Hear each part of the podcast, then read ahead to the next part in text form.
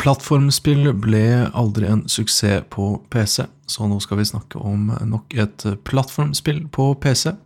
Vi skal til Captain Comic. Du hører på CD Spill.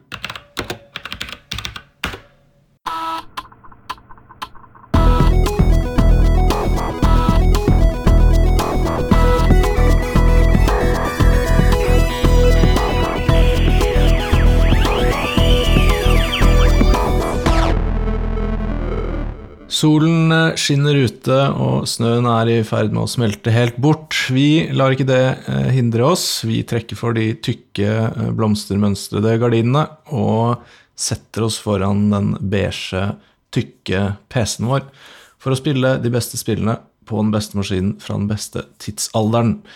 Velkommen til din favorittpodkast CD-spill. Jeg heter Sigve og er en helt ubrukelig gamer, men med masse gode minner. Og sammen med meg her så har jeg Mr. Mamen, hvor vi snakker om de gamle spillene. Er du med, uh, Mr. Mamen?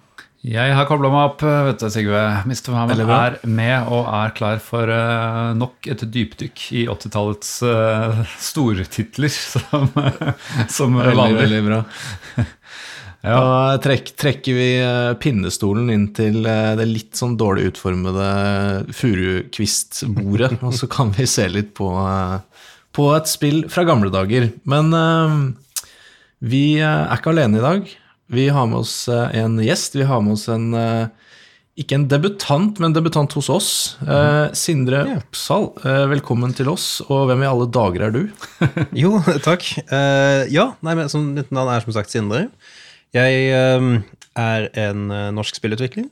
jobber for øyeblikket i Funcom, men har vært innom mye rart før det. diverse indie- og mobilspillgreier. mest høyprofilert før det var vel kanskje Firewatch, hvor jeg jobbet på Oi. litt. Grann. Um, ja, uh, jeg er jo veldig spillinteressert, uh, og jeg liker å prate og teorisere og grave litt i historie til spill og sånt. Ikke bare lage de, uh, og ikke bare spille de. Så ja, jeg føler meg bedre for at jeg ble invitert med på denne episoden her. Det er veldig gøy. Det høres ut som uh, det er en god match, da, Mammen, på mm. gjesten uh, for en gangs skyld. På gjesten i dag. Endelig traff vi. Ja, jeg kan også nevne at dette er jo et jubileum. Det er episode 75, som uh, kjempelangt planlagt, så ja, kom på for to minutter siden. ja, ja. ja, ja. Nei, men det er jo veldig hyggelig å ha med litt nye gjester. Og fra ja, Spillegal, som er et sånn nettsamfunn. Ja. Uh, kan ikke du fortelle litt ja. mer om det? For uh, det er ikke noe som har vært kjent for meg, dessverre. Men få høre. Hva, hva, går Spillegal ut på? Jo, jeg ble jo uh, slept hit av tidligere gjest Terje. Shoutout. Terje Høibakk. Mm? Ja, shoutout til Terje. ja, og han han er jo medvert uh, i Spillegals podkast, som er uh, et podkast jeg driver med noen venner fra et uh, gammelt nettsamfunn som går til ja, gammelt og gammelt, går tilbake til tidlig 2000-tall, da, men det begynner å bli ganske gammelt nå. Selv om jeg ikke liker å Er det sånn det? ja. Men ja, nei, det var et norsk spillforum som holdt, har holdt på en stund, og holder fremdeles på, men alle har jo migrert over til Discord nå, da. og da er det jo veldig naturlig at man plutselig går over til å åpne opp til podkast-ambisjonen igjen, da, eh, nå som alle kan sette seg på en videocall eh, med hver sin mikrofon. Og da har vi altså startet det, da. Og nå har vi holdt på i noen og 30 episoder. Jeg har mista litt telling, for å være helt ærlig. Så jeg vil si at det er jo et godt momentum i seg selv, egentlig. Absolutt. Men det er jo utrolig kult å få noen som har holdt på liksom, et, altså Det er jo steinalder, nesten, i denne ja, ja, sånn internettverden. Å være fra tidlig 2000-tall. mm -hmm. Så det sånn norsk også, da. Sånn, eh, ja, ja. Du har jo hatt alle mulige nettsamfunn eh, og forum. sånn GameFAQs og uh, NeoGaf og Something Awful. At det har jo alltid vært en plass for in, uh, diskurs om videospill og sånt på internett. Men et norsk et, da, det føler jeg er en litt sånn sjelden art. Mm. Ja, jeg ville uh, vil vært litt stolt av det. Uh, og hatt en, det har jo vært, hatt litt forskjellige former, men uh, en rød tråd siden tidlig 2000 det, mm. i, i, Norge, det det er diplom. Jeg syns det er diplom. Ja, ja. ja. vant, jo, vant jo Gullstikka et år for eh, beste nettsamfunn, tror jeg. Nice. Ikke, der, ja. ikke, ikke, bare ja, diplom, men har fått pokal. Ja. ja, Jeg vet ikke hvor den har endt opp hen, men uh, jeg tror den kanskje har endt opp hos, uh, hos Philip fra Lolbua. Uh, hvis jeg husker riktig. Ja, det Vi utfordrer Philip til å fiske fram den gullstikka, for det må, der må dukke opp et bilde med dagens avis ved siden av, eh, som bevis ja, må, på at den fins. Må true han med å ta den med til, eh, til Cast når det, ja. når det, skjer. Det er faktisk deadlinen han har. Eh, hvis ikke, så kommer Tilcast hjem til han. Mm -hmm. Veldig bra. Ja, vi er jo, ja, det er jo Apropos det, Tilcast 27. mai, er det ikke det? Det skal vi på Har vi fått, så, fått æren av å debutere hele tilkassen, så jeg håper det er noen som orker å stå opp tidlig. holdt jeg på å si. Det er vel ikke før uh, Ja, husker jeg ikke tidspunktet. Halv to? Tid, ja, det er tidlig, tidlig gametid. Ja da. Grytidlig. Så håper det er noen som dukker opp der. Vi pleier å ta en liten titt på om det har kommet noen kommentarer fra forrige episode før vi hopper i gang med dagens spill. Jeg vet ikke, Har du noe forhold til Battle Chess, Sindre? Å oh, ja, om jeg har. Det er jo Ja, det husker jeg jeg hadde på Jeg kommer jo til å legge ut om historien om den, uh, alle de der freeware og shareware-spillene som var på arbeids-PC-en til faren min. Battle Chess var jo en av de, og jeg husker det imponerte meg skikkelig med animasjonene og Altså, Jeg ble skikkelig dårlig til å spille sjakk av det, fordi jeg ville bare se alle de kule kombinasjonene av angrep. Vel, velkommen i klubben. Du er i godt selskap. Ja, ja. Det som var konklusjonen vår også, at det er morsommere å, å bli slått av ulike kombinasjoner enn å faktisk spille sjakk. Men eh, ja. Det har uh, vært noen reaksjoner uh, der ute i sosiale medier på dette storspillet. Uh, vi hadde en liten tweet hvor vi spurte om folk kjente til Battle Chess. Eh, der har vi eh, en av våre tidligere gjester, Erlend Fidjan, som kommenterer 'Takk for påminner om et spill jeg aldri helt fikk dreisen på'. Nå forstår jeg at det ikke var så farlig, at jeg trygt kan gå videre til neste turbaserte strategispill. At dere klarte å koke suppe på dette spillet i én time, er stor idrett. Flott innsats av Alexikon. Ja. Det, takk for det, og ja, jeg tenker vi er takknemlige til at vi hadde et leksikon uh, i denne episoden, for det er uh, lite law å ta tak i her. Uh, ja. sånn, ja. Det er det. Ja. og så går vi videre til mitt foretrukne sosiale medie. Eh, og for dere som har hørt en episode eller to, så vet dere at det er spillhistorie.no. Eh, I kommentarfeltet der. Der har eh, For øvrig må vi bare nevne det, som vi pleier, at vår gode venn Joakim Froholt har skrevet en liten artikkel om spillet og vår episode om spillet. Og der er man inne på mitt sosiale medie, der jeg trives. Tristan Ersdal skriver eh, mener å huske å ha sett noe reklame for dette spillet i et datablad i forrige årtusen.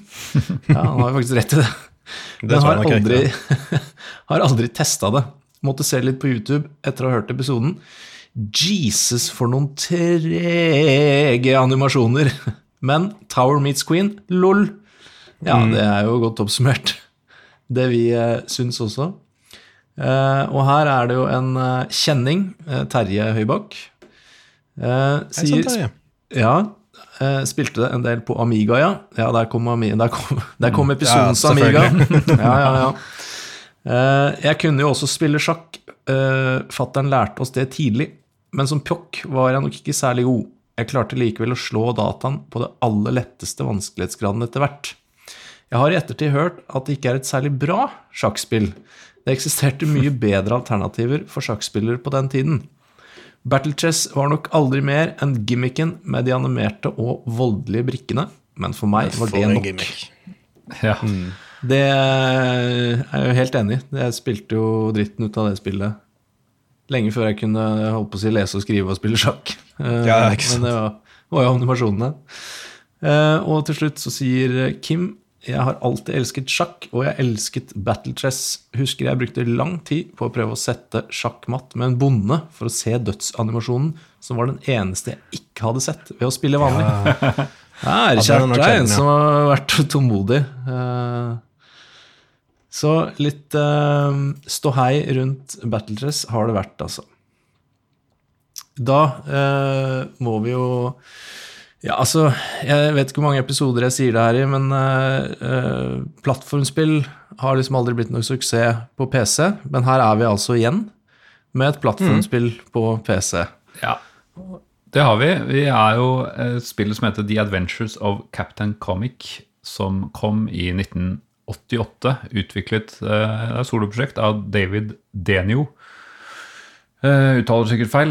Denio, kanskje. Uh, publisert av hva er det, Gradient Industrial SA. okay.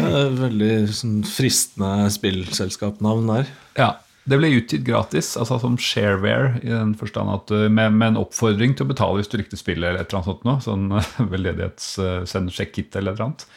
Mm -hmm. Tipper det ikke rant inn penger, men jeg vet ikke. Kanskje, kanskje folk gjorde sendte. Um, ja, og som du var inne på, plattformspill ja, dette er på en måte noen av pioner, pioneren innen Det er litt som Wolfenstein 3D eh, før Doom. Eh, og apropos mm. Doom, ble lagd av id Software. Eh, Commander Keen lagde jo også lagde id Software. Og det er litt det samme, egentlig. At, uh, at uh, dette er liksom forløperen som, uh, som bana vei for Commander Keen, vil jeg nesten si. For jo da, det fantes tidligere plattformspill, men de gjorde det ikke så veldig bra på De var veldig, veldig ekstremt enkle på, på, PC, og det var vanskelig å få til den scrollinga riktig på PC. Så dette er en av de første forsøkene på å gjøre det, så vidt jeg har skjønt. Uh, og det er jo også, Vi er jo ikke noe Amiga-podkast egentlig, selv om vi har blitt det. Men det er vel en av styrkene til Amiga at de klarer scrolling veldig, veldig bra. da. Og, og ja, fordi jeg vil ikke være for slem mot Captain Comic her. Uh, men uh, Jeg vet ikke om det er emulatoren eller noe annet, men, eller om det var sånn på original hardware.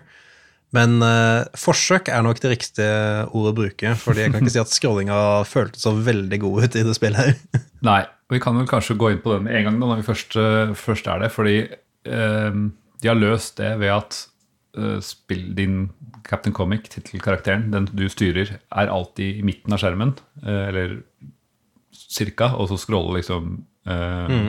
omgivelsene, uansett hvilken vei du går. og det er, det er jo sånn tilebasert, og den scroller liksom halve, halve tilen hver gang du går. Så du ser jo en, Man kan legge godvilja til og si at det ser flytende ut. og kanskje du gjorde det i 88, men eh, det ser definitivt ikke flytende ut i dag. For det er ganske mange, mange piksler på, på selv en halv pile. Altså, så, ja. ja. Og det, det, altså det sjø Jeg har, har, har ingen anelse hva slags framerate den kjørte i, men det føltes som sånn 20 eller et eller annet. Og det er jo sikkert fordi du må oppdatere alle disse tilesene samtidig, ikke sant? Og i hva var det du sier, halv, uh, halvtiles-frekvenser, er det ikke det? Ja, det er riktig. Uh, 20 hørtes nesten mye ut, syns jeg. For det, det, ja, for så vidt. det er vel eller sånn fire, tenker jeg. Men vi må jo gi, vi må gi eh, kapteinen litt cred, da, fordi du kan jo gå begge veier. Uh, det kunne du ikke i i det derre Nantando Ja, han derre rørleggeren, da. Mm. Du kan faktisk gå begge veier, og det var jo banebrytende mm. på den tiden. Og det er litt morsomt at du sier det, for jeg syns kanskje vi skal gå litt på brettdesignet med en gang. da. Eh, og det er at jo da, du begynner som i alle andre spill å gå til høyre. Du kan prøve til venstre, men det, det, er, det, er, ikke noe der. Men eh, det er ikke noen autoscroller, så du går jo akkurat dit du vil. Men det som Jeg husker jo veldig godt at det Etter å ha liksom gått forbi noen skjermer og noen fiender og sånn, så kan komme tilbake senere, så, så kommer du til en dør. Og da går du selvfølgelig inn i den døra. Uh, og der går det ikke an å gå til høyre, der må du gå til venstre. Mm. Men der kommer du til et umulig hopp. Som jeg husker, mm -hmm. altså det, er, det, er, umulig. Det er, det er, ikke bare sånn jeg sier det, det er umulig. Men det visste jo ikke jeg når jeg spilte dette, så jeg klarte det. Gikk dit, prøvde å hoppe, falt i døden. Det er jo, jeg prøvde igjen, jeg prøvde igjen, jeg prøvde igjen. Jeg hadde vel både mor og far som prøvde det spillet, tror jeg. De prøvde. Det, ja, ja. det gikk ikke. Du, du spurte noen voksne til og med? ja.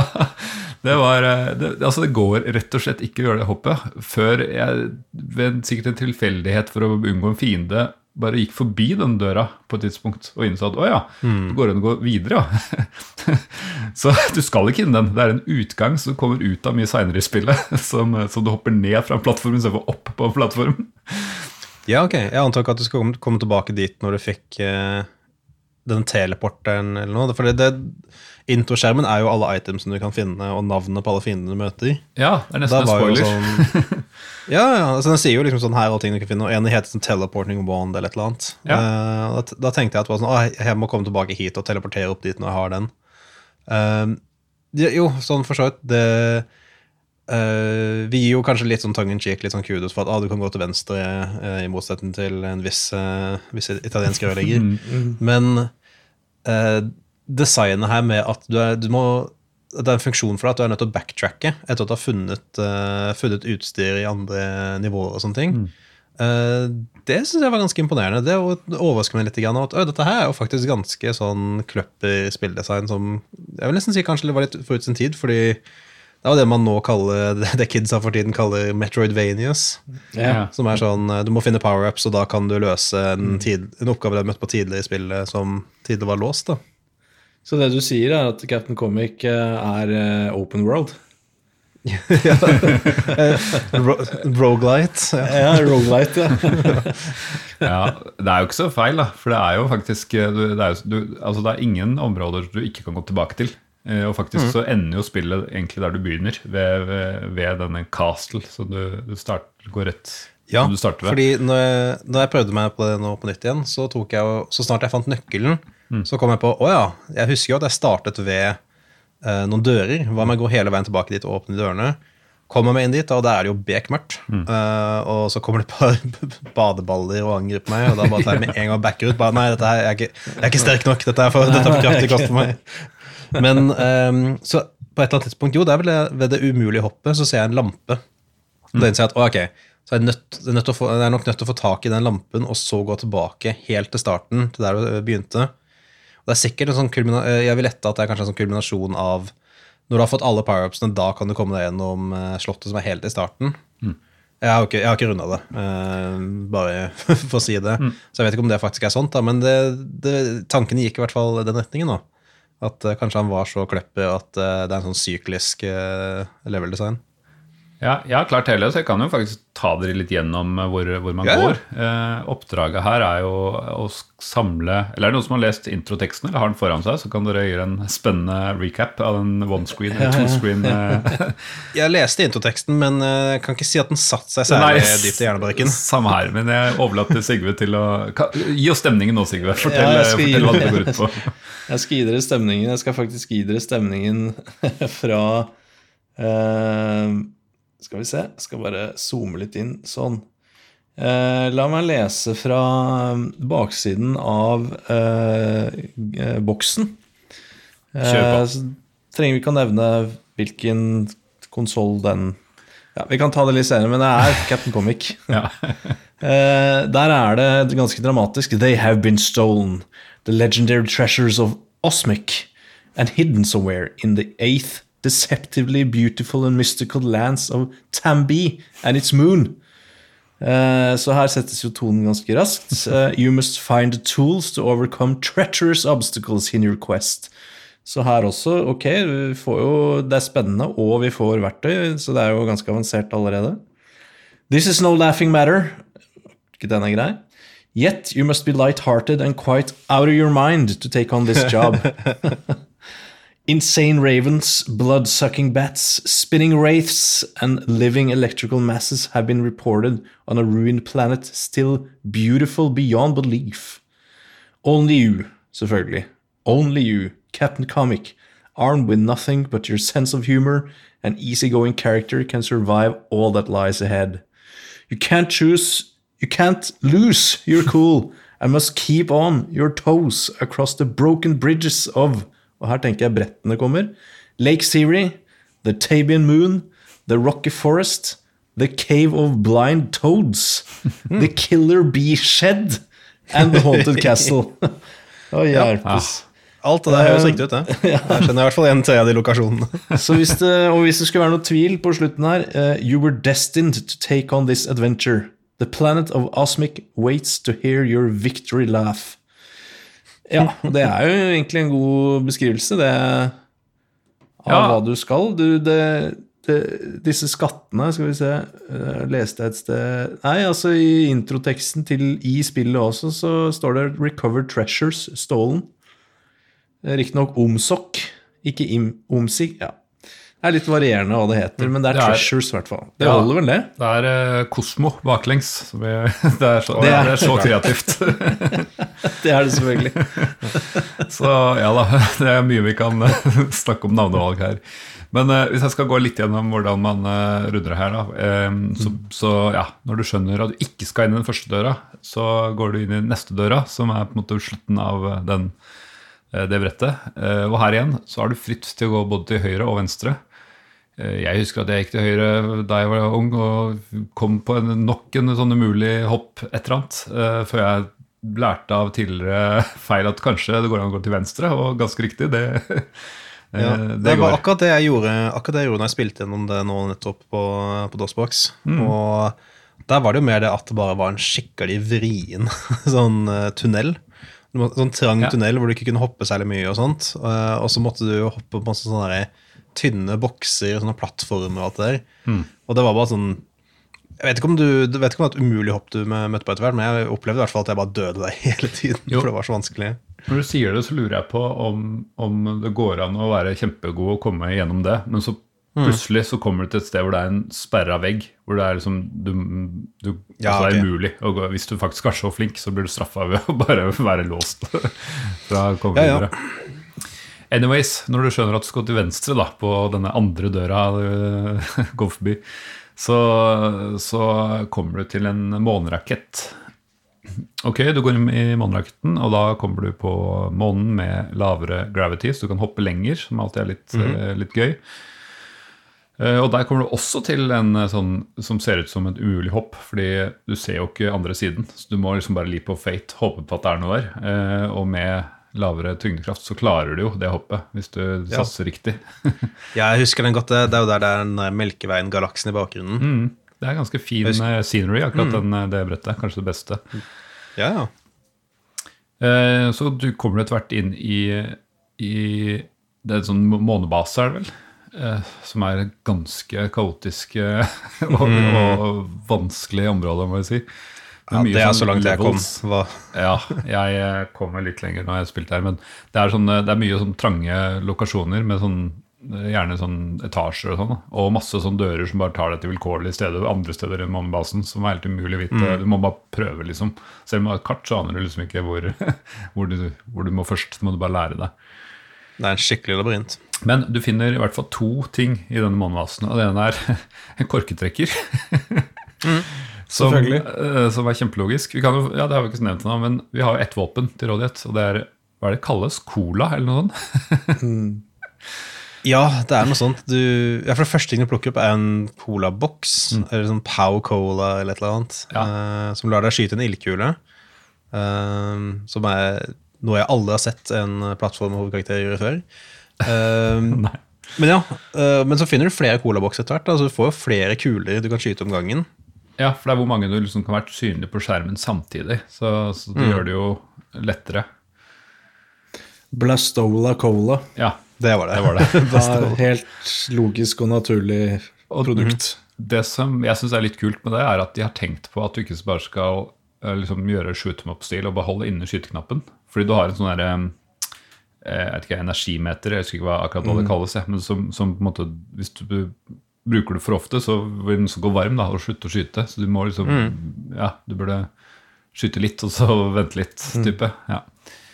Men det den corkscrew er, gjør at de går liksom opp og ned, da. Sånn i, I sikksakk. Ja. Ah. Og det er du nødt til på den månebasen, for der har du sånne irriterende monstre som bare går på bakken. Så eneste måten å ta ja, ja. dem på, liksom. Ja. For å skyte lavt nok, rett og slett. Ja. Ja, for du, du, kan ikke crouche, ikke sant? Så... Nei, nei, nei. Det kan du ikke. Mm. Eh, I tillegg så finner du sånne boots som gjør at du hopper ett hakk høyere. Som gjør at du da plutselig når noen plattformer som var umulig. Ah, det er det de gjør. Jeg fant aldri ut av det. Nei, og det trenger du allerede i den månebasen, tror jeg. Fordi du, du er noen dører mm. der for å komme Eller for å komme seg ut. Da, så må du ha den. Så jeg har i hvert fall ja. prøvd å lage den sånn at du må At du går glipp av items. da Det er jo mm. faktisk litt bra eh, level design. Det skal det ha. Ja. Um, og så går du inn i denne Hva er det het? Sånn der hula som, uh, som, du når fordi du kan hoppe litt høyere. Som, uh, det er sånn mørk hule. Uh, hva er det du kalte den, Sigve? Killer Beeshed? Nei, det var ikke den. Ja, Blind Toads var det. ja, det, mm. Jeg har ikke vært der, men jeg antar at det er den hula du snakker om, for det er lyset av. Ja, jeg var ikke klar over at de sånn M-forma monstrene var Toad, men da, ok, da lærer jeg noe nytt hele tiden. uh, ja, det er veldig sånn mørk kule, så du ser litt, det er litt vanskelig å se dører og sånt. For det er litt sånn ja, bevisstgjort um, litt vanskelig. Men det du finner der, det er en tel teleport wand. Uh, Tryllestav-teleport. Ja. Som gir deg enda en ny egenskap, nemlig ved at du kan ja, teleportere fire tiles bortover. Um, du har fortsatt kan ta skade som mens du gjør det, så du bør jo ikke gjøre det helt Eller det er, du er ikke udødelig, men det kan få deg ganske mye fortere fra, fra en side til side. Og en del sånne umulige hopp eh, gjør, kan du liksom bare teleportere da på plattformene. Og eh, du kan også komme gjennom veggen, da, som er noe du må i denne nettopp, nettopp. eh, siste, siste stedet. Og som vi var så vidt var inne på, når du kommer deg gjennom, gjennom der, så, du, så, finner du en lykt, og så kommer du ut av denne døra som, eh, med dette umulige hoppet som eh, jeg oppdaga helt, helt i starten. Hvor du da eh, går tilbake til starten, og da har du fått tak i også en nøkkel for i starten. Da har du alle items du trenger for å, for å både se fiendene og omgivelsene, eller fiendene ser uansett, men omgivelsene, og, og da etter hvert funnet de tre skattene du er på jakt etter, som er gems, crown og gold. Og så tar du liksom bare siste bossen der og og, eller boss, det er ikke noe boss, men tar det siste brettet, og så er det lang traversering i dette Haunted Castle, og så, så, så vinner du, da. Så, så, det, var, så du får, det er ikke noe sånn å finne én skatt her og én skatt der? Du får bare hele, hele kista? Jo da, det ligger én på månen og én i Det ligger på tre forskjellige ja, okay. steder. ja, jeg husker, på, jeg husker jeg fant på månen så fant jeg en sånn klase med juveler ja. som jeg aldri helt skjønte hva jeg gjorde for noe. Eh, men det er jo selvfølgelig målet eh, du er ute etter. Mm. Uh, og det er et ganske Man kan jo snakke om vanskelighetsgrad senere, men det er et ganske kort spill. De, ikke, ingen av disse brettene er veldig lange. Uh, det kan være vanskelig, for all del, men uh, jeg så en playthrough her i helga som, som på ingen måte var speedrunner, som brukte en halvtime. Han døde mange ganger underveis, mm. og starten av brettet ja. så, så, en halvtimes tid, hvis du, hvis du har, kan brettene litt, det er ja, så lang tid tar det. Du bruker nok litt lenger ja. jeg, slo litt, sånn. video, jeg slo på en video, jeg også. Jeg ble litt sånn der ble egentlig nesten litt sånn skuffet over at det egentlig var så kort. For jeg husker ja. jeg brukte så mye tid på å slå det spillet da jeg var liten. uh, men jeg var jo gud, jeg var en smååling. jeg var sånn fem-seks år gammel. Så hadde jo ikke, hadde jo ikke akkurat ferdighetene til uh, en fullt utviklet hjerne. Så. Nei. Nei, jeg også husker vel uh, bare første brett. Det er klart det går jo igjen på en del av de spillene jeg snakker om her, men mm. uh, den, uh, ja, den halvtimen var ikke innenfor rekkevidde da, da jeg spilte det. Jeg tror, jeg tror, jeg spilte det spillet her hos Werner, som vil gi en shout-out til uh, Werner. shout-out til Werner. Mm. Og der, ja, det var det, det er det første brettet, det er det jeg kjenner igjen. jeg var også ikke store gutten da jeg spilte dette, men ja, kanskje i voksen alder så hadde jeg greid å Nei, jeg hadde nok eh, blitt sint uh, i et, et, kvarter, og så hadde jeg gitt opp. Ja. Jeg husker fra barndommen at jeg faktisk fikk den korketrekkeren, men da er jeg usikker på om kanskje det var faren min som uh, spilte, og jeg satt på fanget. Du spilte men, med voksne, du også? Ja. Men um, Nei, fordi jeg husker liksom måne, jeg husker månebasen og alt det der, så jeg ble faktisk litt sånn retroaktivt imponert av meg selv. da, uh, Som bare sånn Jøss, kom jeg så langt i barndommen? Ja, ja, ja. liksom. Dette er jo skikkelig vanskelig. Jeg også husker at jeg fikk det til, men jeg brukte noe ja, Jeg vet ikke hvor god jeg ble etter hvert, men, eh, men, at jeg klarte det under en time, det vil jeg tro. Ellers så fikk jeg vel Det var begrensa hvor lenge jeg fikk mulighet til å sitte ved det samme bipete spillet. Mhm. Jeg sjekka speedrun.com bare for å se hva rekorden er på. Um, og den raskeste tiden eh, per som jeg satt for to år siden, er på 10 minutter og 38 sekunder. Oi, yes. Nå så jeg sånn fort gjennom den, og den, eh, den tar alle skattene som er kriteriet, men den tar ikke eh, alle de ekstra tingene. Så den hopper over bl.a. en lampe. Så den klarer å gå gjennom den siste rommet i mørket. Altså, da må ja, du vite hvor ja. alle plattformene og sånn er. da, som ja. du selvfølgelig lærer Klassisk speedrun. Ja. så, så, det er ikke liksom 100% men det er, det er, ja, det er imponerende. Ja, det blir jo mer imponerende, egentlig. Eh, for det er jo in the game, så det er mm. ikke glitch-utnytting. eller Det er bare at du faktisk har, kan spille utenat. Ja, mm. det er litt imponerende. Når vi er på tilbakeblikket her, så må jeg jo nevne hvordan maskin eh, man trenger da, når man skal spille det spillet her. Ja, Beige maskin, er det ikke det? Den må være beige, ja. Men det kan Ferdig innrøkt plastikk. kan ikke være hva som helst på innsiden av det, det beige Kan ikke være Tower og sånn. Eh, det er jo en eh, eh, 8088 eller 8086-prosessor som kreves her. mm. så det er ikke hva som helst. Eh, Klassisk. Du må ha hele 256 kB kilobyte med ram. Den eh, kjører ganske enkelt når det kommer til eh, grafikk, video modes. Der er det EGA, og that's it. Eh, og det er eh, en gammel klassiker på lyden her. Det er PC-speaker som støttes. Ja, Eh, apropos du- beeping, ja. ja, ikke sant? Ehm, og så er det da det anerkjente styringsverktøyet keyboard. Så ser jeg Mobigames sier at det støtter en analog joystick. Det kan vel alltids eh, sikkert ha funka, det. Eh, en PS2-port med enkle inputs. Ehm, ja, så hvis du har en såpass kraftig beige maskin, da, så, eh, så kan du spille spille spill her. Jeg er litt skuffa over at det ikke står eh, noe om floppy eller floppy-floppy. Um, men det var vel litt tilfeldig. Men husk at det ble ikke utgitt, da.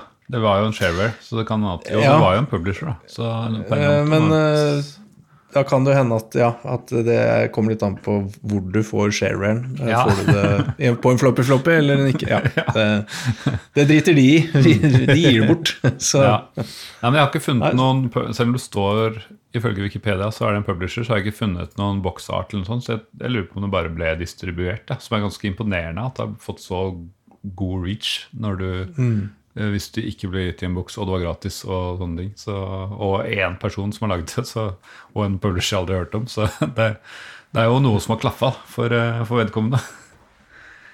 jeg er tidlig ute da med open world-plattformspill. Ja, Metrodvania-klassikeren. Ja, ja. Det er klart det slår an, det. Når vi først var innom denne bipte lyden, så jeg vet ikke eh, Det, det kom, eh, kom i flere versjoner. eh, Og den første versjonen hadde ja, Dette er jo P-speaker, nå spiller jeg den av her. eh, Intromusikken som høres sånn ut. Vakkert.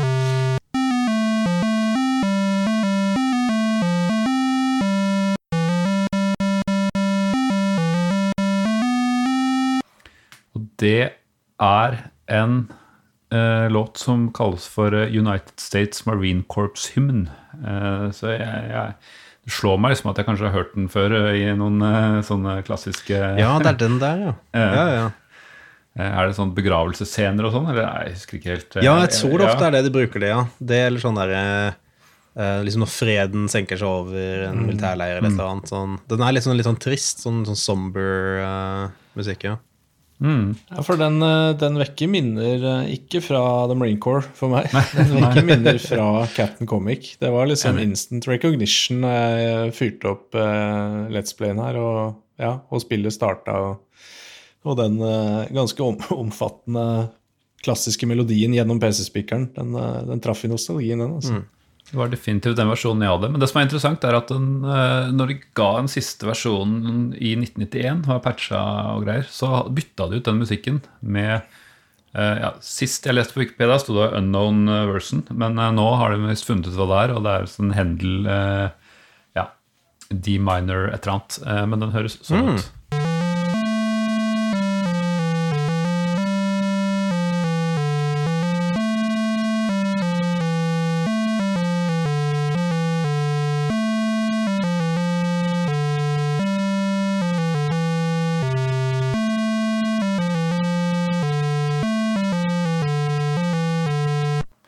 Så kanskje hørte du denne versjonen, eller kanskje hørte du den andre. Jeg hørte definitivt den andre, men, eh, men Ja, jeg liker liksom å tro at det er den første avspilte jeg husker. Eh, Ja, jeg, jeg tror jeg, jeg står i det. Jeg står i det. Det er den som vekker minner, helt klart. Men det er et ganske merkelig valg å liksom å bare bytte ut eh, musikken på den måten. Ja, for det er det Det er ikke et copyright-issue, det, vil jeg tro. For det er denne hymnen. Ja. Encore-hymnen er jo Ja, ja. bare en det er liksom 'Ja, vi elsker'. Det er bare en sånn går melodien, og sånn er det. liksom. Det er ikke, nei, jeg vet da, søren. Så var det ikke kommersielt heller, så var det liksom ikke sånn at de måtte betale royalties. nei, fra, fra, de inntektene som aldri kom. ja, Godt spørsmål egentlig hvorfor de gjorde det. Hmm. Det kan, kan hende at det var bare noe så enkelt som at uh, han som lagde det, han bare trengte å finne noen enkle sånn, tracker-spor eh, som han kunne bare plugge inn, for han hadde bare ikke tid til å putte inn mer effort. Eh, og når han kunne komme tilbake igjen og oppdatere det, så ville han putte inn en sang han faktisk likte i stedet. Det kan absolutt være. Det kan være noe så enkelt som det. Det, det, det går jo til våre lyttere, da. Hvis noen har greid å grave opp noe, liksom, noe background, noe litt mer detailed. Så ja, det er alltid gøy da, å høre om noen noen som er enda mer nerds enn oss, eh, greier å grave opp noe juicy information. Ja. Utrolig nok så finnes de. Det er det. You never know. Kanskje det er på spillgal vi skal uh, må ja, få svaret. ja. Viser at det er Tim Folle som lagde det. Da kommer Terje igjen med fasiten. Det er jo det jeg liksom hopper litt på her, da. Men de har, eh, vi kan snakke litt om fiendene, som du eh, kan blaste med denne Blastocola, eller hva den het. Blastola Cola, ja. ja. Det er jo et helt, helt utvalg uh, her. Uh, jeg vet ikke, Sindre, om det er noen du hus, sånn, En du husker, liksom? De, de, sa jo, hva var det som sto i introteksten? Psychotic Ravens eller et eller annet. Ja, Det var noe Det sånn, syns jeg er en ganske god beskrivelse. Sånn, altså, de de blå eh, ravnene er jo noen av de første du møter på. Og de er jo ganske sånn enkel sånn ping-pong-fiende. Sånn uh, spretter bare i en uh, Spretter bare i sånne rette vinkler. Men så kommer de der røde ravnene, som har sånn annet mønster. Og de uh, husker skremte meg skikkelig da jeg var liten. For, det var sånn der, eh, for de, var så, de var så uforutsigbare. Og jeg følte liksom at de var ute etter å ta meg. ja, fordi sånn Rent visuelt så er det ikke sånn kjempeskumle, men at, atferdsmønsteret gjør mm -hmm. at mhm. man kan bli ganske stressa. Ja, absolutt. Fordi de har altså, Som sier, de blå går bare i sånn si, lemmings. Altså de bare, når de treffer en kant, så endrer de retning. Eh, yep. Mens de røde de fant jeg ut at er avhengig av om du ser mot den eller om du har den i ryggen, så går den opp eller ned. Mens ah. fram og tilbake tror jeg er likt. Så han prøver jo faktisk å gå, gå ta deg i ryggen, på en måte, fordi han senker, senker seg når du Ja, ja, ja. Mm. Sneaky. Mm. Sneaky, så det er der et visst spill på en viss konsoll henta inspirasjonen til spøkelsene sine, da. Eh, ja, Crash Bandicoot, ja. de også måtte se til Captain Comic for å Ja. Og så er det så mye rare andre fiender gjennom dette spillet, sånn som f.eks. Uh, Space Pollen oppå, ja, oppe den, i verdensrommet. Den stakk også ut når jeg tok og leste den introskjermen, ja, hvor de ramset opp alle navnene til fiendene. Space Pollen, ja. Hva, hva, gjør Altså, det på, på fasiten så vistes det som en, en gul kule. Mm. Ser ut som sånn durianfrukt, nesten. Ja, faktisk. Litt sånn eh, hva, hva, gjør den? Den oppfører seg vel helt lik som den blå fuglen, tror jeg. At den bare spretter hit og dit. Så, men eh, det er bare så rart at det, når den er på månen, så skal det være en fiende, liksom. det er veldig, veldig kreativt. Det er å tenke utafor boksen. Mm. Ja, det, jo, det, legger jo til noen implikasjoner da, med det universet her. At det er eh, store intergalaktiske planter som eh, pollinerer eh, seg mellom planeter. Oi, oi, oi. Ja, det er sant. Ja, ja. Det, det, i seg selv er jo ganske skummelt, egentlig, mm. å tenke på. Hva er det det heter den der science fiction-serien? Er ikke Trifiden, er ikke det en sånn ting? Det sånn? Ja, det er morsomt at du sier det, for det er mitt absolutt største traume fra barndommen er uh, The Day of the Treffids. Det radiohørespillet uh, eller filmen? Det radiohørespillet. Ja, det, Husker den, jeg også. er altså, eh, For de uinnvidde så er jo det en slags apokalyptisk eh, historie eh, som skjer i Storbritannia, hvis jeg ikke husker feil, hvor en komet blinder hele jordens befolkning.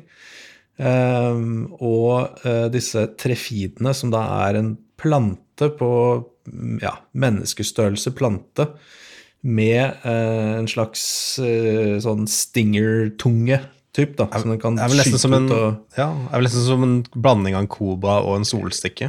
Ja, litt sånn. Ja. Um, og eh, det er litt morsomt, fordi jeg har ikke gjort noe research. Altså, dette forteller jeg nå på direkten, når jeg ble minnet på dette hørespillet.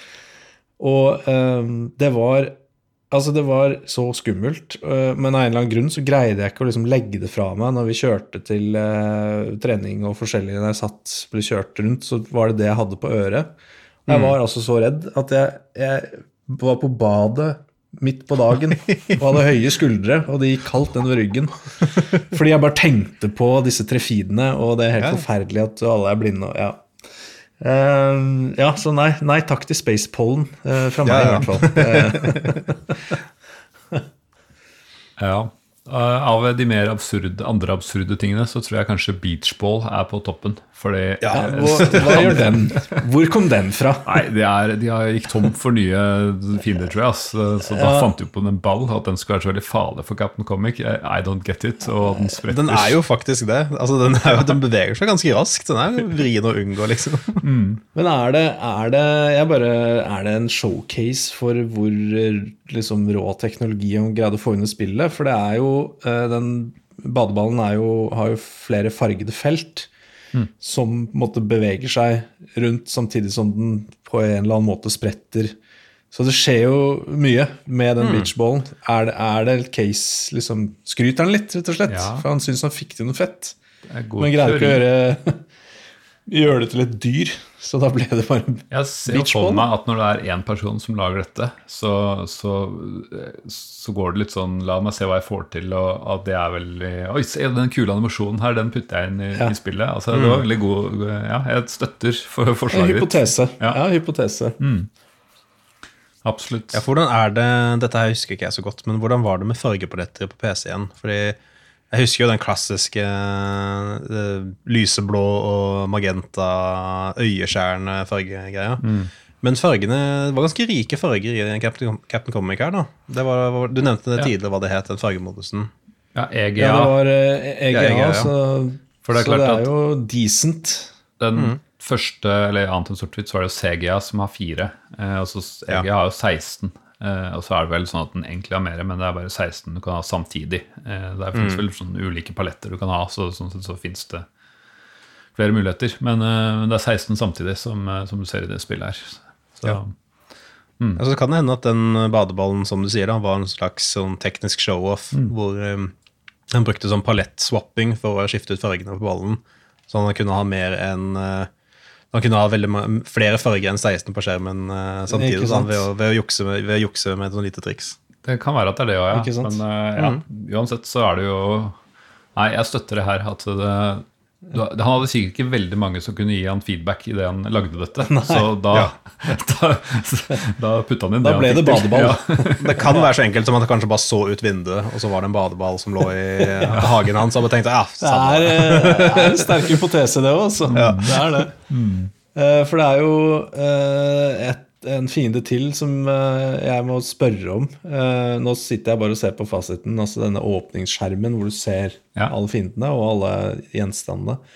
Der er det en fiende, eller hva man skal kalle det, som man kaller for FW Bros. Ja, som ser ut som uh, en sirkel av glør eller gnister med en gnist i midten. Ehm, den har ikke jeg møtt på uh, de, de, på det første brettet som jeg greide å spille. Um, så jeg bare Jeg lurer på hva altså, Har dere vært borti denne ildsirkelen, eller hva man skal kalle det? Ja, som kalles FV Bros? Det er av de senere, senere brettene, uh, husker jeg. Men jeg tror det som er greia med veldig mye av de her, er at de oppfører seg likt, sånn som den mm. fuglen f.eks. Bare at de, de har mm. bytta det ut avhengig av hvilken level de er på. da, hvilket brett de er på. Uh, det var reskin. ja, slapt arbeid. Ja, la oss kalle det det. Samme devs.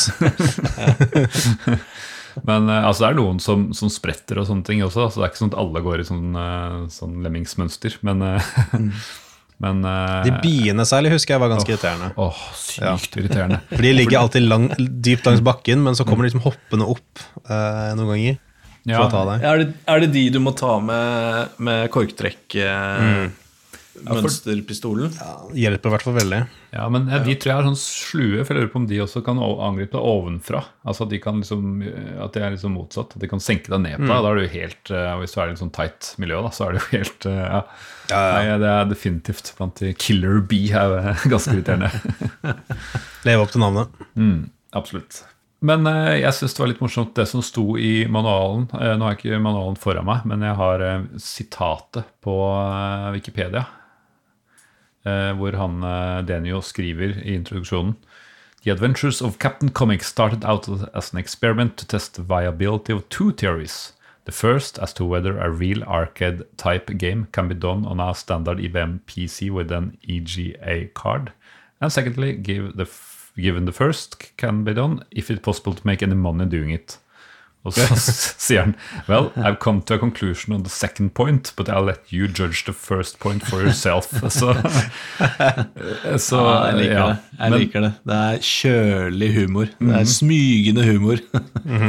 Men det jeg lurer litt Jeg skjønner ikke dette så godt, fordi han er i gade som shareware, og han har gjort en konklusjon på om det går an å tjene penger på det eller ikke. Hva, altså, jeg, kanskje jeg er litt dum her, men hva, hva var konklusjonen hans? At, at, Vel, hvordan kan han skrive det i manualen hvis det er før Spørsmålet er jo om sharewaren uh, var på en måte by design, da, eller om det var et av disse type spillene som bare ble ko- piratkopiert og delt rundt så mye at det ble de facto shareware til tross Ja. for uh, intensjonene. Nei, det står at det ble released av shareware, så jeg tror vi må stole på det. Okay, ja. Men eh, som Men altså, sagt så sto det jo ikke- 'donerer penger til meg' i introen, så mm.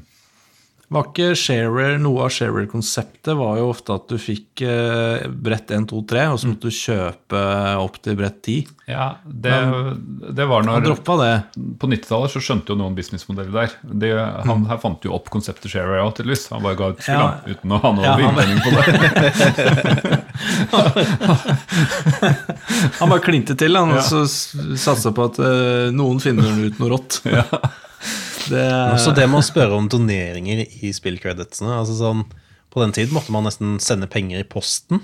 Ja. Sånn, ja, det, det var jo ikke bare å gå på PayPal eller altså Nei. ja, Du måtte jo ha adressen hans og gå på postkontoret og sende dollar i en konvolutt til en utenlandsk postadresse. ja, eller, en, eller en sjekk. Ja.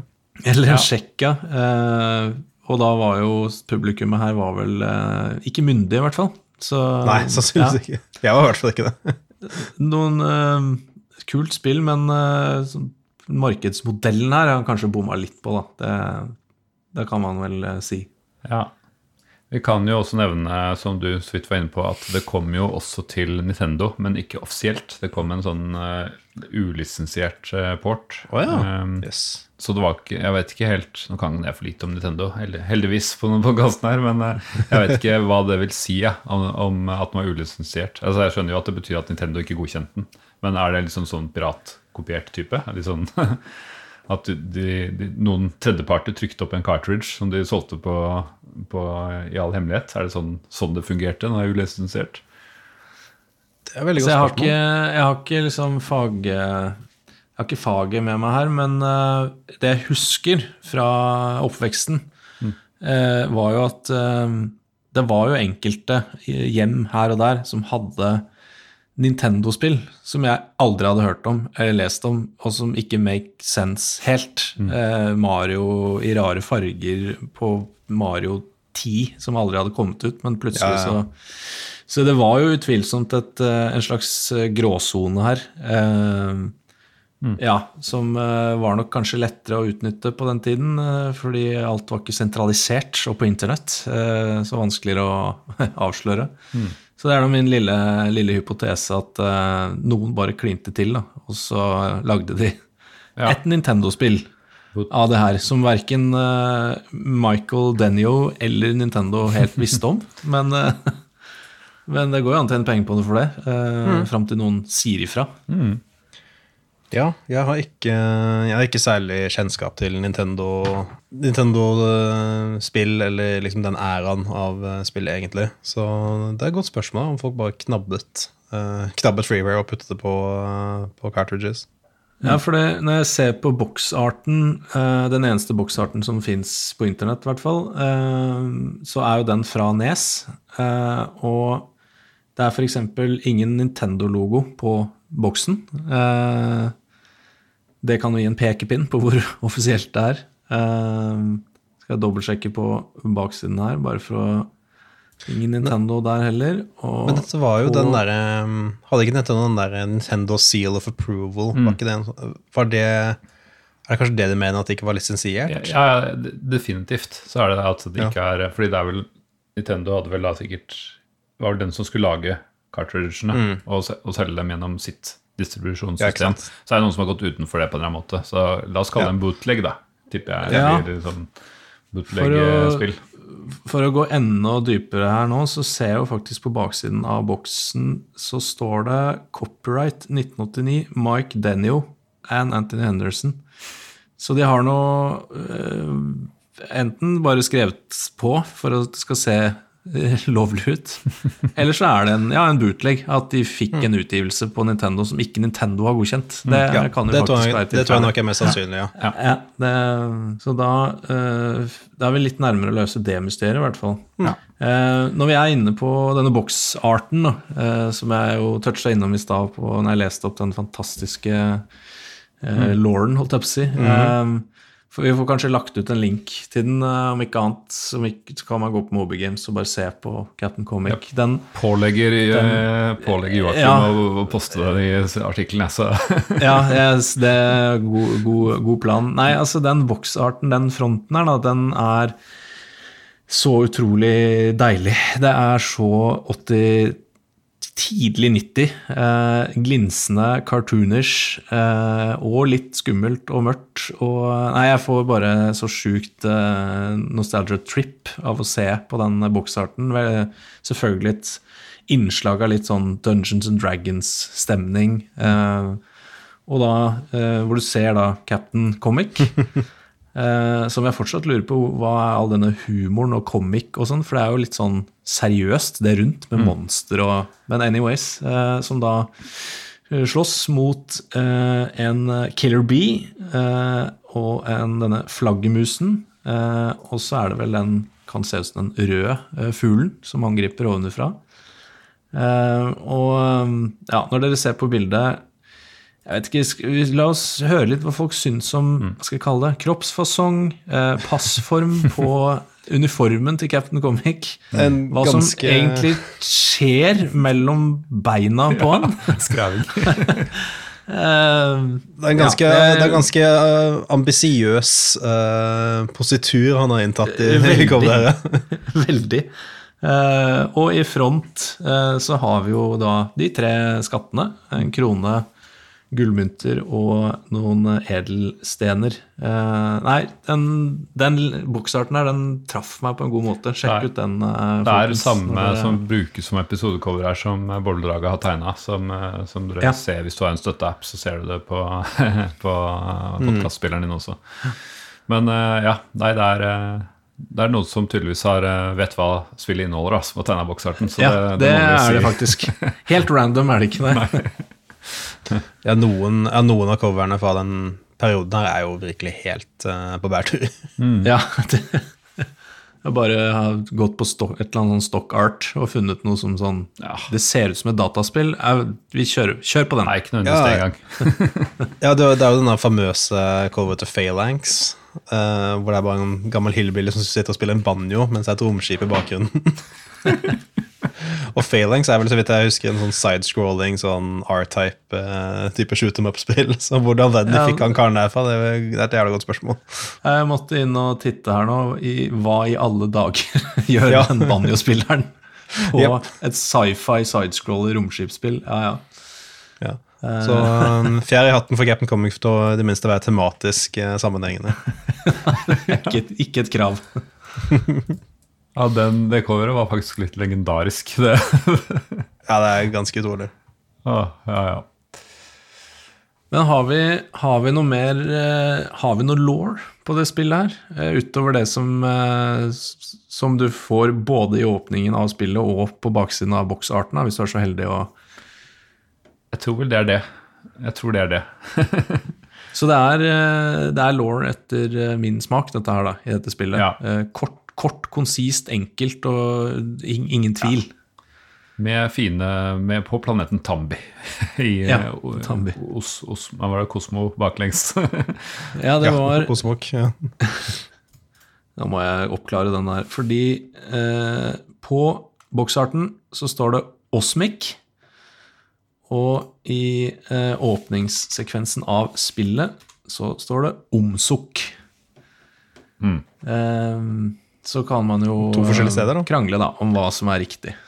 Ja, fordi Tambi er jo også baklengs til IBM AT. Eh, ser jeg utelukkende fordi Wikipedia har en link på Tambi som tar deg til, til det. Så eh, altså, ja, IBM PC, da. Eh, så ja, de har jo navngivinga her. Det jeg vet ikke hva jeg skal si, jeg. Den er ikke sterk. Nei, den er ikke det. Eh, Men det er jo tongue in cheek. Det er Ja. humor. Det, er, det, er det den derre 90-tallshumoren som 80-tallet. gjennomsyra Ja, eller, eller 80-tallshumoren. Ble funnet opp på 80-tallet. Som gjennomsyrer en del av disse spillene med sånn, mye sånn spøk og moro. Jeg føler I ikke at manualer, i boksart. Jo, jo, absolutt. Det er vel det. Du har vel rett. Du har vel funnet svaret. Men jeg føler at Captain Comic kunne vært noe litt morsommere enn en, liksom ord, ja. ord feil vei. Ja.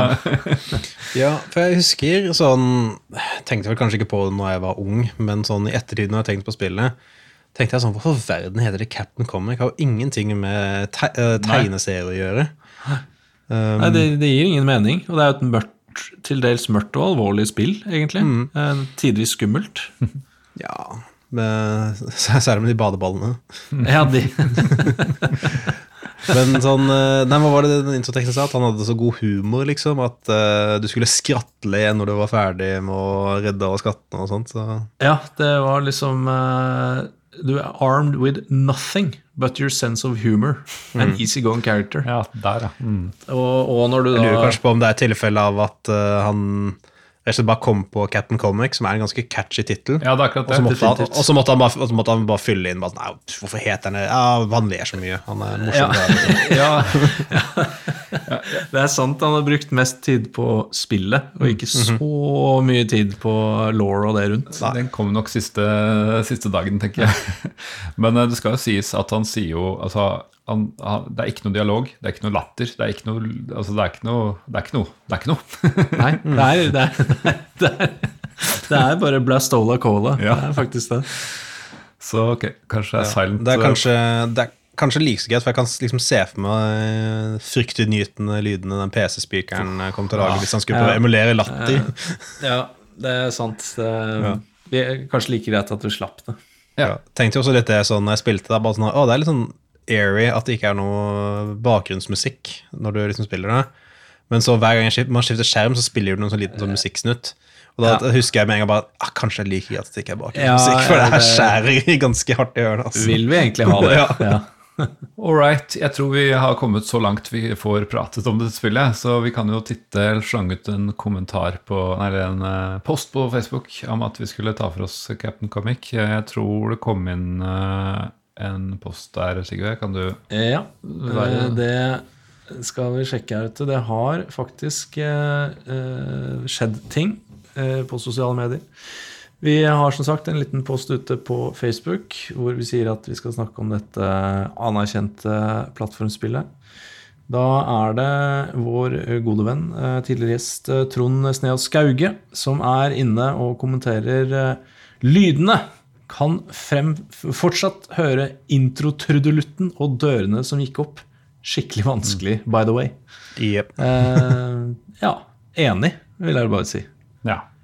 Så må jeg gi en ekstra shout-out til han, for vi hadde planer om å ha han med som gjest i dag. Og så pga. litt tekniske problemer så fikk vi dessverre ikke Trond inn eh, på innspillinga her. Men eh, Ble felt av et kranglete headset.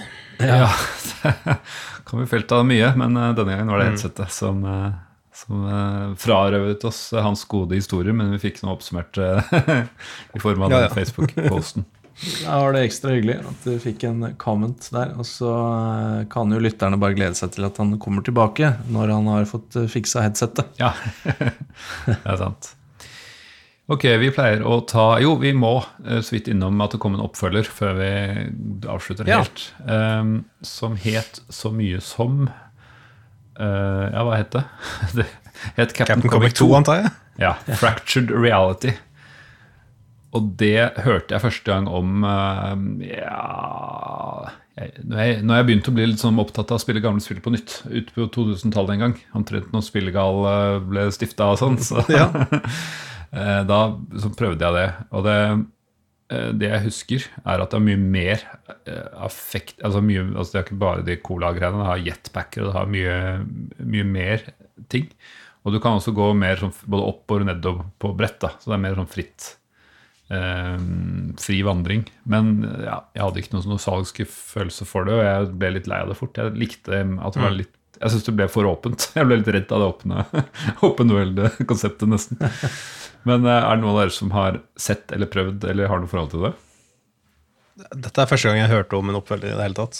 Jeg, jeg, har et inntrykk av at den toeren her eh, var så bra at, at den fortjente at vi nesten glemte den. Det var en komplisert måte å si det på, men ja, jeg tror ikke den gjorde noe, liksom, skapte noen voldsomme bølger i, eh, i game, gamingmiljøene rundt omkring. Nei, og så ble den um, utgitt uh, kommersielt i motsetning til denne Shareware-eneren, mm. så det kan jo ha noe med at uh, bare en fraction hadde hørt om, ja. hørt om ja, spilt dette. Spredde seg ikke like langt, nei. Mm. Men for de som er interessert, da, så uh, er jo faktisk toeren en upgrade til VGA-grafikk. Uh. Så mm. ja, kjøp, kjøp, dette spillet hvis du vil ha Captain Comic-opplevelsen i Men, full VGA slår meg nå at kanskje det var planen til han utvikleren. At uh, han skulle gi ut det første spillet som shareware, og mm. så kjente folk til det uh, når han ga ut en oppfølger. Og kanskje det, kanskje det var taktikken hans for å tjene penger på det? Se for meg at det tenkes. absolutt kunne funka hvis man hadde hatt en litt stor utgiver i ryggen, som man mm. sannsynligvis ikke hadde da. Eh, jeg står Computer Easy, som var, som var publisher. Så ah, jeg elsker navnet til selskapet på den tiden. Altså. Det er helt sjukt at ikke det ble en suksess. Altså. Det er... Oh, det er så bra. Jeg gikk inn for å se på Wikipedia, og da har de jo selvfølgelig blitt kjøpt opp og fått nye navn, og sånn, og nå heter de Wisdom Tree. ikke sant? Eh, oi. Det høres ut som uh, et selskap jeg vil kjøpe spill av. ja. eller, eller, ikke, eventuelt. Det høres ut som sånn, der, uh, sånn hippiekult som bor ute i en ørken eller noe. Ja, det er liksom det, eller uh, sånn app som du kan laste ned og lære deg språk på telefonen. Ja, ja, ja. Å, oh, det har lyst på ut noe annet Super 3D Noahs ark. så, oh, ja. Ikke sant? Ja, der kan du, ja, nettopp! Ja. selvfølgelig. Også et, oh, wow. Alle brikkene faller på plass. Også et ulisensiert spill fra Nintendo. Og Jesus in Space var det siste spillet de ga ut til, til PC i 2007. ja. ja. Men vet vi noe hva han utvikleren gjorde etter Captain Comic? Jeg vet hva, Vi liker jo å prøve å gjøre litt research, men jeg må innrømme at ja. uh, der har jeg gjort null research på det der. Så jeg, jeg vet ikke. Er det noen, uh, noen andre som kan uh, hjelpe meg? ja, kan ta en liten titt om Moby Games her og se om navnet hans har noe knyttet til seg. Så Det var laget av hva den het igjen.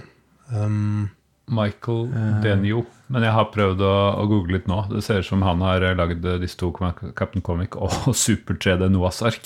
Så og, ja, jeg, vi kan sitte slå fast at han ikke har gjort en lang karriere i spillbransjen. Ja. ser, ja, han har syv, syv, credits på tre games, ifølge Moby Games her. Eh, ja. Den siste han lagde, var noe som het Prigodi Pionerki Xeni. Ja, jeg fant den, skjønner du. Og det, er, eh, det var litt gøy. Fordi eh, det er Captain Comic Oi. Eh, på ukrainsk. Ah ja, se der.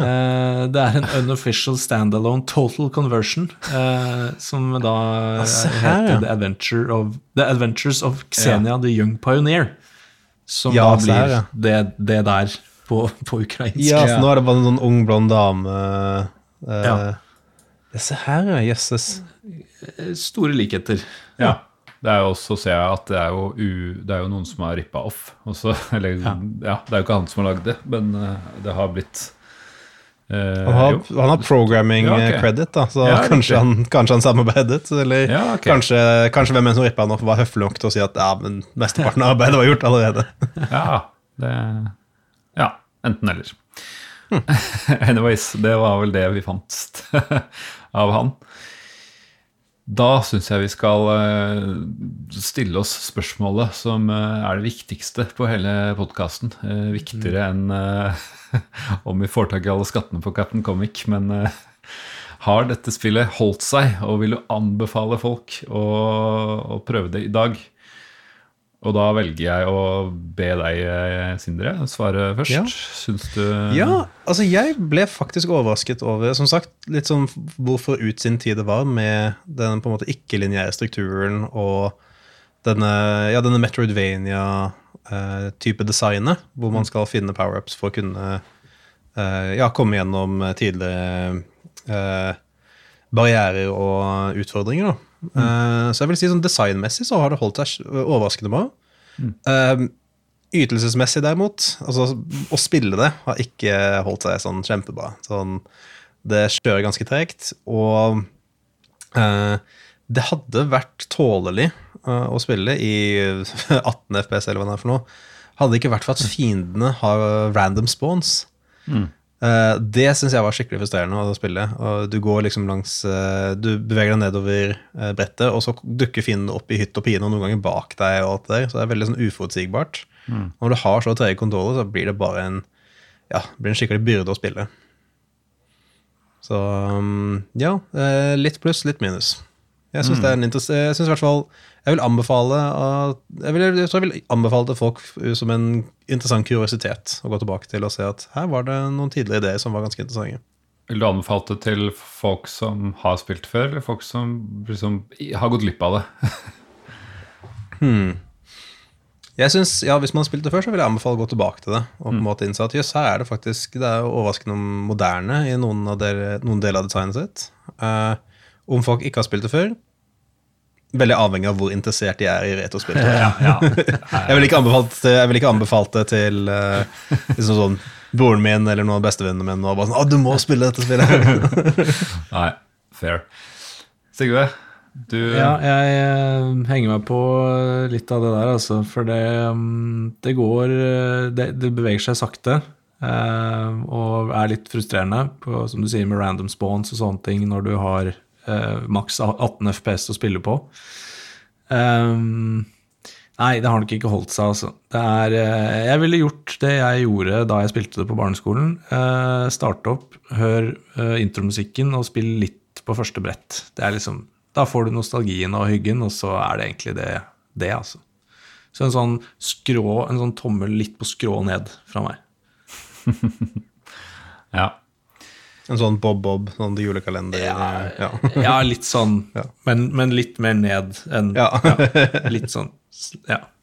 Mm. Jeg eh, må jo si meg litt enig med Sindre her at det, det er faktisk veldig godt brettdesign. Altså jo da, det, de frustrerende tingene med, som er helt ulogisk, at du bare det er umulig å komme seg over hvis du går inn feil dør og sånt. Det, det, er litt bullshit. da, så Det er ikke så bra. Men, men det at du, de tvinger deg, hvis du går riktig, i hvert fall, så tvinger de deg til å plukke opp ting, eller du går forbi alle ting, da, så du ikke skal gå glipp av mm. noe. Mm. Det er ganske bra design. og det er sånn, Selv om det er åpent, så er det også en sånn path det er meningen at du skal ta gjennom spillet. så jeg, jeg synes det altså det er ganske imponerende. For sånn, fra, det er veldig mye andre, mer frustrerende spill fra 80-tallet som, som, ikke hadde oh, ja. sånn design.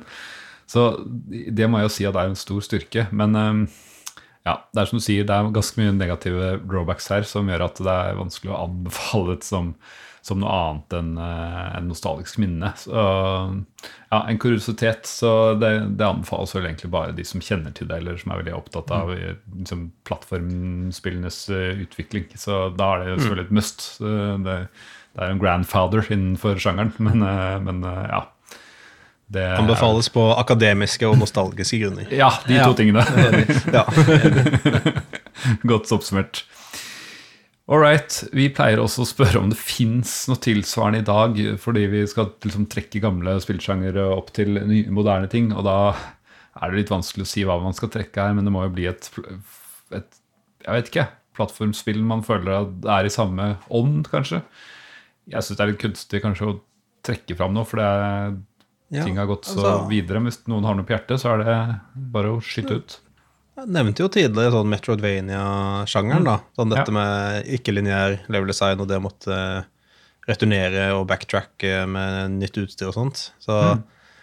ja, altså Det er jo ganske mange av de, det er jo en grunn til at det heter Metroidvania. Det er både Metroid og Castlevania som har gjort det mm. ganske mye. Men også sånn, jeg tenker um, Moderne eksempel vil, vil, jeg kanskje si er noe sånn ting som Hollow Night, eksempel, er jo en ganske en ganske skjær versjon av akkurat det der. Mm. Um, jeg har ikke vært så veldig dypt inn i den sjangeren personen, egentlig, så det er det første som kom til tankene. Men, jeg syns det, synes det er bra, ja, fordi jeg forlot nok plattformsjangeren i stor grad eh, rundt de tider. Eh, så gøy at eh, lytterne kan få noen sånne Sjekke ut Ja, men det fins faktisk mm. litt av ditt og litt mm. av datt, så det, det er kult. Kule forslag. Ok, vi har faktisk klart å klokke over en time på det spillet her, som er uh, veldig imponerende. Uh, jeg pleier å be Sigve om å komme med tips på sparket, som han noen ganger mistenker at han har glemt. Men vi får se om han har tips å komme med på, på stående fot. Ja, ja jeg, har jo, jeg, har jo, et tips som kan jo Hvis vi strekker den litt, så grenser inn i tilsvarende i dag. Nei, det hender jo at jeg bare har lyst til å foreslå noe som ikke er fra 80-tallet. Uh, og siden vi er på plattformspill, da, uh, med skytevåpen og diverse uh, For mange lyttere så vil det her være en selvfølge, men det er så bra spill at jeg vil bare anbefale det likevel, og det er jo Terraria. Som er jo faktisk et plattformspill med litt pikselgrafikk og ja, litt sånn så jeg skal ikke prate om det, hvis ikke du veit hva det er. Da er det bare å sporenstreks eh, gå på Steam og skaffe seg det, eh, og bare å glede seg. Eh, så det er mitt tips til eh, plattformspill i dag. Terraria. Konge. Ok, vi eh, kan jo nevne neste spill. Og vi har bestemt oss for å gå til Syndicate. Gode gamle Syndicate. Ja, jaggu. Det husker du også, Sindre? Jeg spilte aldri personlig, men jeg husker jeg hørte mye prat om det. Og så har jeg jo sett det i senere også, så jeg har jo en lett kjennskap til det. Jeg gleder meg definitivt til å stifte mm. mer bekjentskap med det. For jeg også har litt sånn vage minner og er ikke så flink, og sånn, men kanskje jeg mestrer ting bedre denne gangen. Vi får se. Og så må jeg si tusen tusen hjertelig takk Sindre, for at du klarte å få mikk og headset i orden til ja, ja, episoden. Så mista vi dessverre Trond, men eh, hyggelig. takk. Ja, ja. Det var bare hyggelig. Det vil bare, Som en liten sluttkommentar så vil jeg bare eh, nevne at eh, Captain Comic er jo sannsynligvis det aller første spillet spillet jeg noensinne spilte. Oi, nice. Det lå jo på, lå jo på en datamaskin som faren min fikk fra jobben, tror jeg. Uh, så der hadde jo sneket med seg en del shareware-spill og, og, sånt.